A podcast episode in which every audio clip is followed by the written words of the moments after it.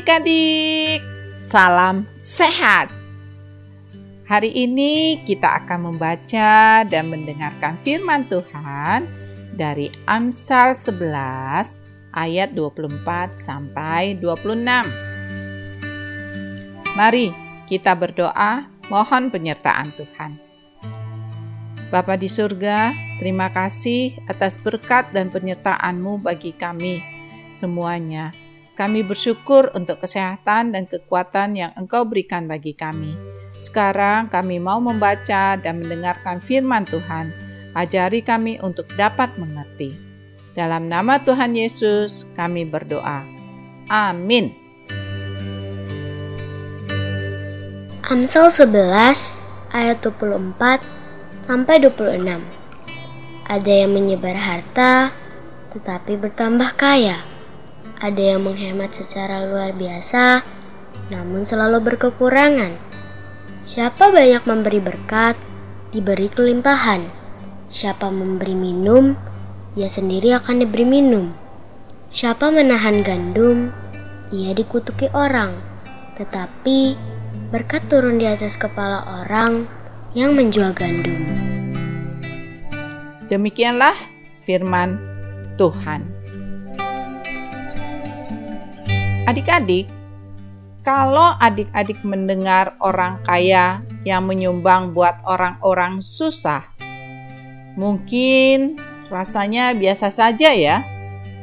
Tapi kalau adik-adik mendengar bahwa seorang tukang becak tua rutin menyumbang untuk panti asuhan, pasti adik-adik akan terheran-heran Nah, ada nih seorang yang pekerjaannya adalah pengayuh becak, namanya Bai Fang Li, yang meskipun hidup serba kekurangan, namun tetap berbagi kepada anak-anak di panti asuhan.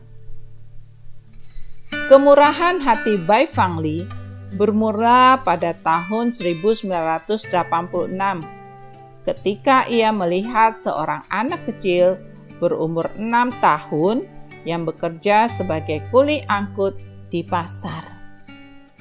Bai Fangli memberikan anak itu uang. Namun, sekalipun telah diberi uang, anak itu masih memulung makanan dari tempat sampah untuk dia makan. Bai Fangli menegur anak itu, Kenapa tidak menggunakan uang yang ia beri untuk membeli makanan, malah mengais makanan-makanan sisa dari tempat sampah?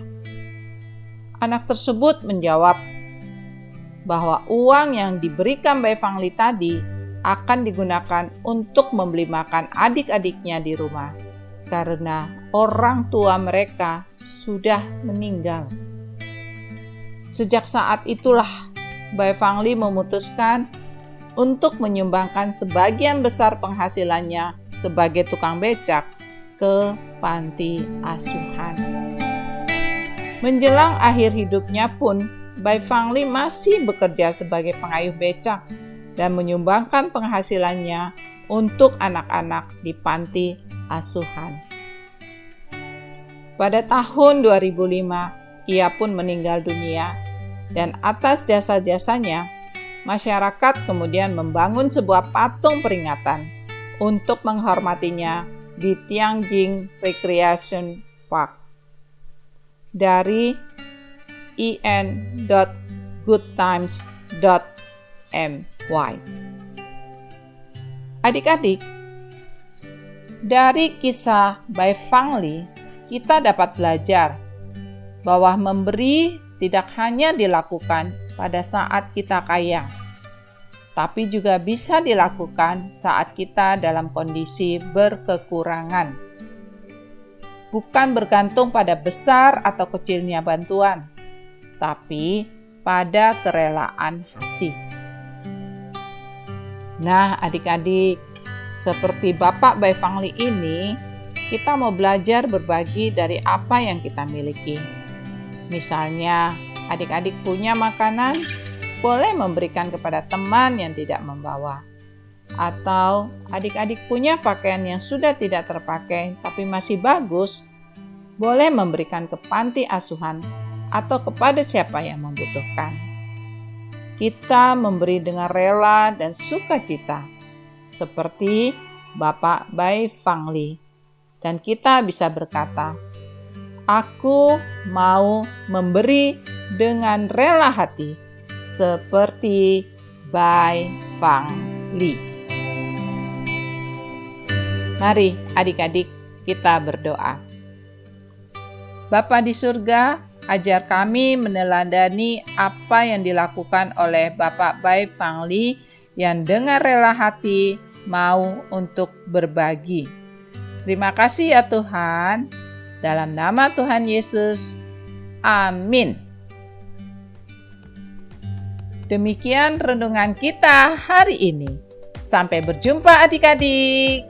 Tuhan Yesus memberkati.